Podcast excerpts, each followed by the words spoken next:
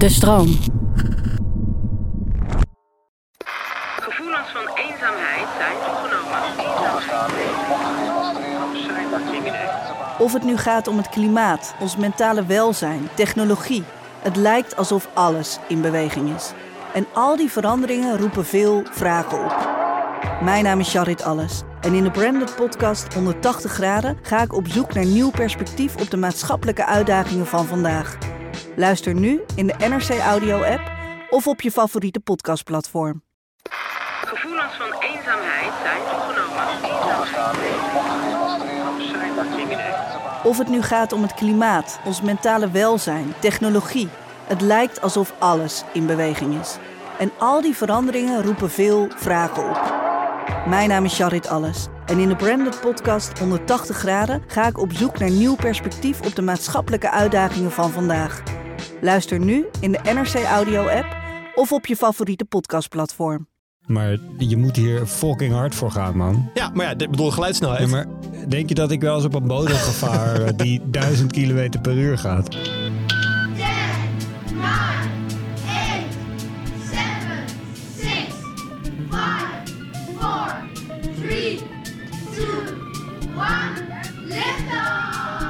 Welkom bij Bert ziet sterren, de populair wetenschappelijke podcast waarin ik iedere aflevering samen met mijn goede vriend en promovendus theoretische natuurkunde, Bert, een duik neem in de wonderenwereld der natuurkunde. Hoi Tim.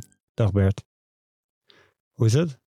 Oh goed, ik ben helemaal zen. Want? Vandaag mijn telefoon vergeten. Eh, waarom? ja, ik was nog even snel een stukje van de krant aan het lezen vanmorgen. En toen ging ik daarna de trein in. Toen zat ik in de trein lekker muziekje te luisteren. Want ik had wel mijn iPod Classic natuurlijk bij me. Tuurlijk. En toen eh, had ik geen telefoon mee. En was eigenlijk heel ontspannen. En wat ook nog leuk is, toen zat ik net in de trein terug, hier naartoe.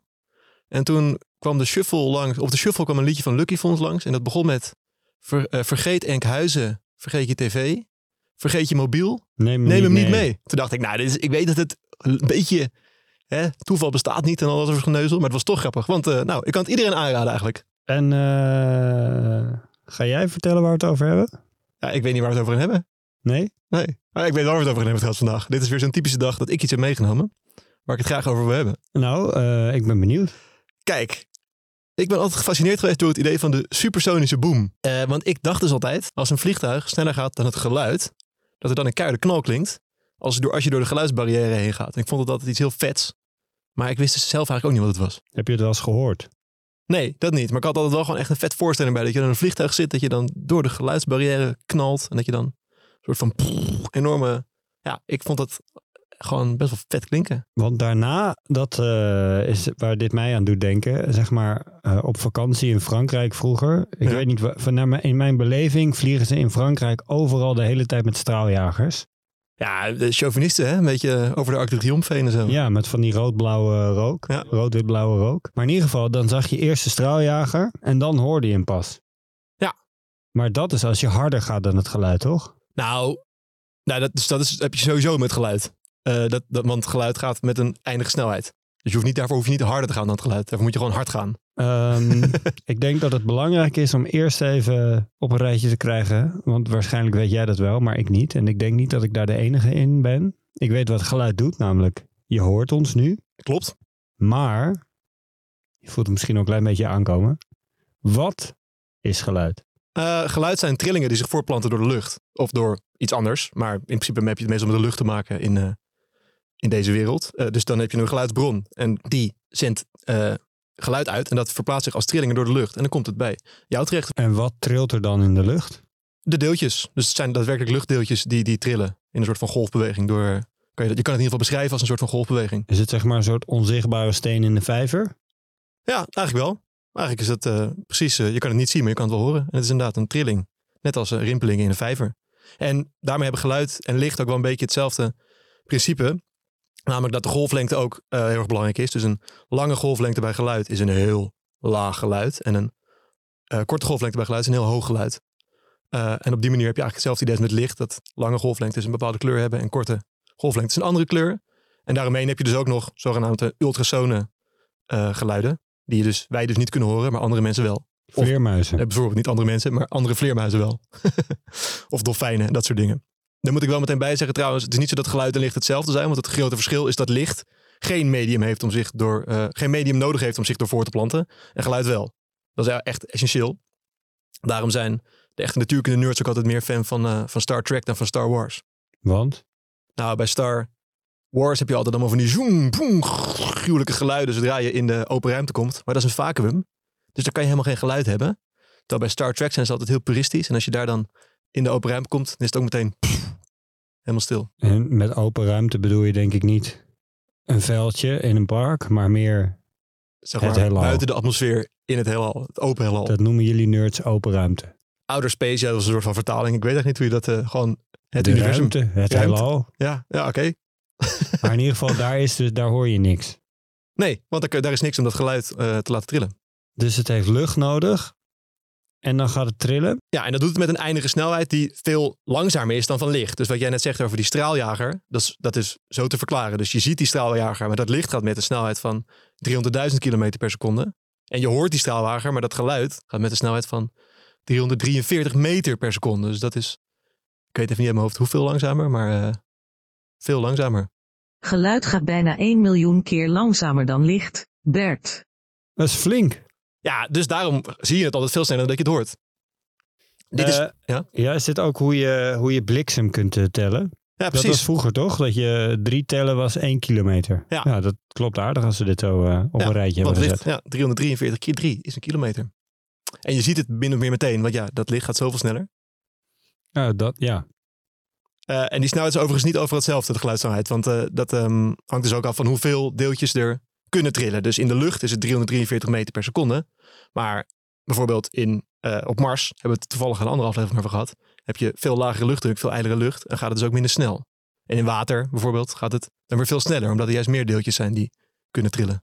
Maar zou het bijvoorbeeld bij onweer, heb je vaak dat het een beetje broeierig is, hè? een hoge luchtdruk. Ja. Gaat het dan harder? Of is het verwaarloosbaar? Nou wel een klein beetje. Ehm, je kan ook uitrekenen Klopt dat... het dan nog wel, die drie tellen? Ja, precies. Nou ja, het- blijft een beetje, een beetje schatten natuurlijk. Eh, je hebt natuurlijk ook het tegenovergestelde. Als het koud is, zeg maar bijvoorbeeld het vriespunt. En je hebt een beetje, eh, zeg maar weinig waterdamp in de lucht. Een beetje droge lucht. Dan gaat het geluid ook ietsje langzamer. Zeg maar een paar meter per seconde langzamer. Maar komt het ook minder ver? Ja, volgens mij dan ook wel. Omdat het wat sneller uitsterft. Omdat het gewoon meer moeite moet doen om door te geven. Physical fun fact. De geluidssnelheid hangt af van hoeveel deeltjes er op elkaar zitten in het medium waar het geluid zich door voortplant. Nu is toevallig een van de meest compacte stoffen op aarde diamant. En de geluidssnelheid in diamant is dan ook extreem hoog. Ongeveer 18 kilometer per seconde. Dat is meer dan 50 keer sneller dan de geluidssnelheid in lucht. Sick. Dus ik dacht, hè, als je wil communiceren en ik eh, zie jou staan, maar ik heb ook een diamanten lijn met je aangelegd, kan ik dat 50 keer sneller doen door op de diamanten lijn te tikken dan om jou, eh, dan dat ik jou geroepen. Maar kan je daar iets mee? Nee, nou ja, ik zie, ik zie meer van die eh, leuke gevangenisfilms voor me waarin je door, door op metalen buizen te tikken met elkaar kan communiceren. Dus het is wel nuttig dat geluid zich kan voortplanten door iets anders dan, dan de lucht. Maar voor de rest kan je er niet zoveel mee, denk ik. Het is eerder gewoon voor het begrip. En een fun fact. En een, en een fun fact. Ik bedoel, je moet toch ook wat te vertellen hebben in, als je een fun verhaal wil vertellen. Maar goed, eh, geluid. Ja. Kort samengevat, trillingen in de ruimte. En dan een supersonische boom. En ik kan jullie meteen vertellen, het is dus geen boom. Het is een soort van continu gerommel. Dus het is niet zo dat als je door de Supersonische roffel. supersonische roffel, langdurige supersonische roffel. Oké, nou, eh, kan ik de lift in? Nou, bijna. Ehm, en die Nee. roffel die komt doordat het een, zou je kunnen zeggen, een samengeperste geluidsgolf is. Met een hele hoge energie die daardoor eh, een schokgolf veroorzaakt. Waardoor je, als je daar in de buurt staat, ehm, ja, dat op je kop krijgt. En dan voel je, hoor, je die, eh, hoor je dat met een, soort van, als een, als een soort van dondergerommel op je hoofd. Ik zie jou kijken en ik denk van... ik eh, denk dat je dit iets uitgebreider uit moet leggen. nou, ja, jij bent heel goed met boten, weet ik toevallig. En toevallig leent dit verhaal zich uitstekend voor een botenvergelijking. Tim, stel je gaat varen ehm, met een schip. Zin in. Wat gebeurt er dan? nou, dat is gewoon superleuk. nou, leuk, dus dan zit je lekker op dat dek. Meestal sta ik eh, aan het roer of ergens ben ik bezig met zeilen. Want je vergeet erbij te zeggen dat het vooral het zeilen is wat me aanspreekt. Ehm, en hoe werkt dat? Nee, dan, hoe, hoe, hoe zit het met golven dan? Wat, wat zie je gebeuren? Nou, dat is een van de vele sympathieke eigenschappen van een zeilschip. Die hebben dus minder hekgolven dan bijvoorbeeld een sp- speedboot. Ja, maar nu gaan we eventjes andersom. even terug naar de Tim, Tim ziet boten. Wat, wat vak zijn hekgolven? Eh, je hebt voor, de, voor het schip uit heb je de boeggolf. Ja. De boeg is de voorkant van het schip. Dan heb je een, ja, is gewoon een golf die Ja. bij de boeg vertrekt en dan naar de zijkant uitwaaiert. Ja. En achter het, het langs het schip heb je een soort kuil van water. Ja. En achter het schip heb je weer een golf ja, die ook zo naar de zijkant zo uitwaaiert. Ja. Ja. Nou, en dat is dus ook... Maar ehm, nog even, hè? ja. Wat de speedboot er dus onder andere zo kut maakt. de mensen die erop varen zijn kut. Maar ook, ze trekken enorm veel golven. Omdat het gewoon hele onhandige vormen zijn eigenlijk. Pas als je heel hard gaat en dus je boot uit het water tilt. Doordat je zo hard gaat, heb je er iets aan. Maar daaronder is het gewoon voor niemand leuk. Ook niet voor de mensen in de boot zelf. omdat ze een stevige golf geven. Ja, Nou, en dat zou wel eens een golf kunnen zijn die vergelijkbaar is met de supersonische schokgolf van een vliegtuig. Want wat je namelijk ziet gebeuren met van die hek- en boeggolven, zoals je het noemt, aan de voorkant en de achterkant. Kijk, als je, als je langzaam gaat, zijn het een soort van rimpelingen die je ook krijgt als je een steen in een vijver gooit. Dan zie je ze gewoon zo plop, plop, plop, plop, zo rimpelen. Als je tempo gaat opschroeven, dan komen die golven steeds dichter op elkaar te zitten. En uiteindelijk zullen ze een soort van samengeperst worden tot één enorme streepvormige golf langs je schip in een soort van V-vorm. Klopt dit? nee, Echt niet? nee. Hoe werkt het dan? Geen idee. Maar je moet hier fucking hard voor gaan, man. Ja, maar ja, ik bedoel geluidssnelheid. Ja, maar denk je dat ik wel eens op een boot heb gevaren die duizend kilometer per uur gaat? Nee, het klopt dus wel, maar jij ziet het gewoon nooit. Nee, je hebt gewoon een boeggolf en een hekgolf. Ja, nou in een vliegtuig heb je dat dus ook, maar dan met geluid. Dus dan zie je dat er dus geluidsgolven ontstaan aan de voorkant en aan de achterkant. Een soort van rimpelingen in de lucht. Dat is wel wat een schip doet. Precies. Maar bij geluid eh, is die snelheid waarin die golven zich voortplanten 340 meter per seconde.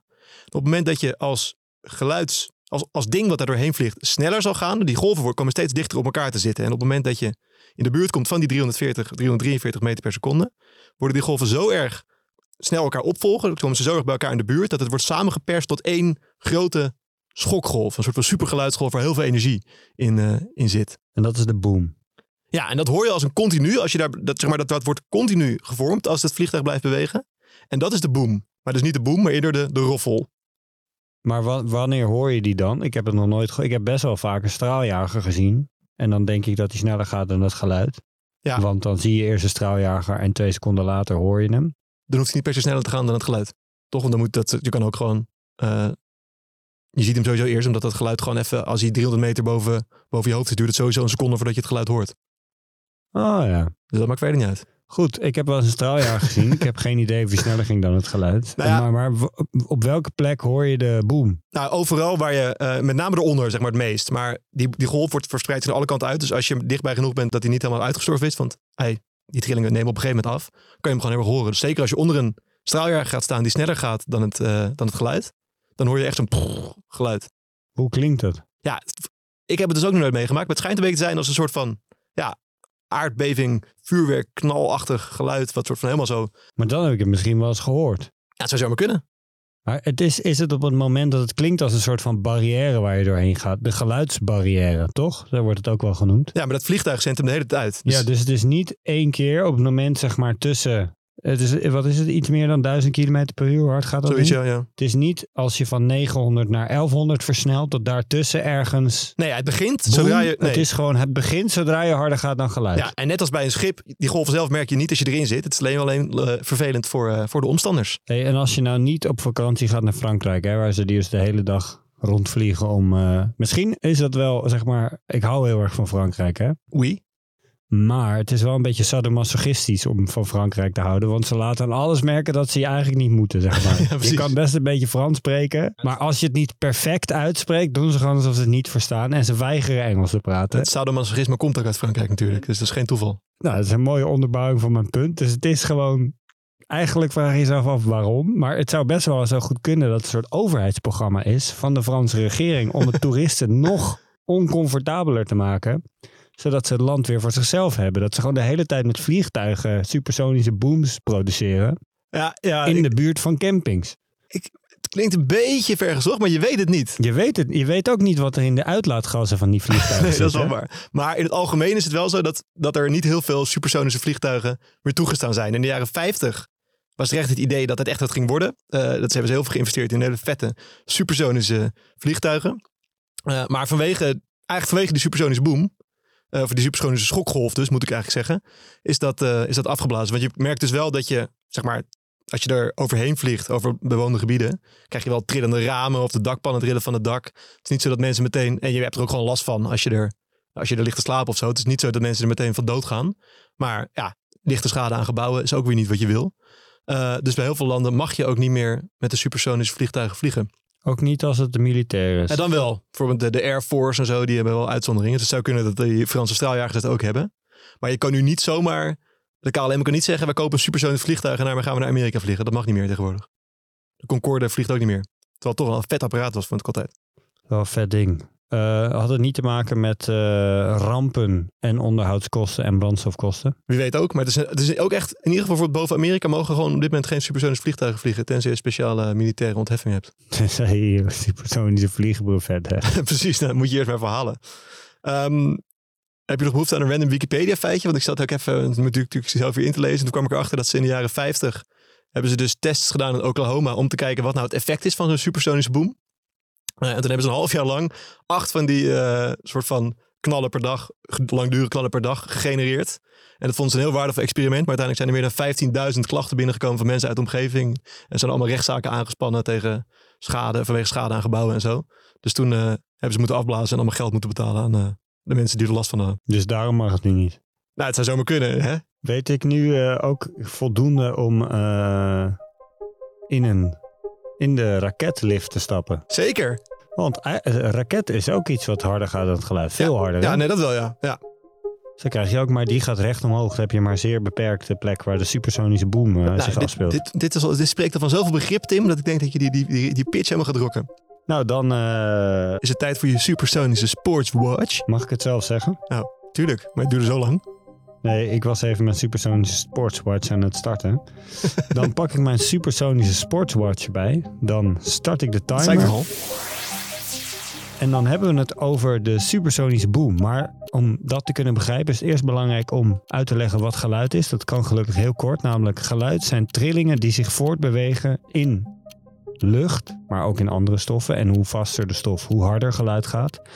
Maar in lucht is het 343 meter per seconde.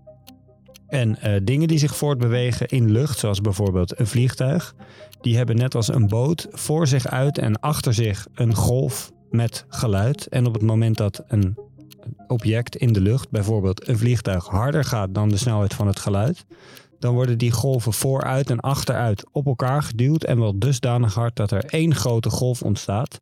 En dat ervaar je op de grond als een enorme knal. En daarbij moet gezegd worden dat het niet één knal is, maar een voortdurende serie knallen die je hoort op het moment dat het vliegtuig dat sneller gaat dan het geluid over je heen vliegt. Eh, dat mag in Amerika niet meer, omdat het heel veel overlast veroorzaakt. Maar in een straaljager kan het nog steeds. Klopt. Dat, eh, dat, ja, dus mocht je, mocht je het willen proberen, ga bij, eh, ga bij de marine, zou ik willen zeggen. Of niet? Eh, ja, ik ben niet zo thuis Op in soort oorlogstermen. Ga, ga, ja, niet, ja, precies. Ga bij het leger. Ja, de luchtmacht. Ga bij de luchtmacht. Eh, dat, zou, eh, dat zou natuurlijk dan wel een, een oplossing zijn. Ik vraag me nog af te vragen, Tim. Waarom, waarom is het eigenlijk een supersonische sportswatch? Vond je dat gewoon een vet woord? Of, of heeft die supersonische kwaliteiten? Nou, je, je hoort het. eh, nee, nee. eh, ja, goede vraag. Supersonisch is ook iets, zeg maar. Het klinkt heel geavanceerd, toch? Ja, zeker. het is gewoon een geavanceerd horloge. Het is een heel geavanceerd horloge met een timer erop. Nou, mooi. Dan, eh, dan weten we dat ook weer. Dan was dit Bert ziet sterren voor deze week.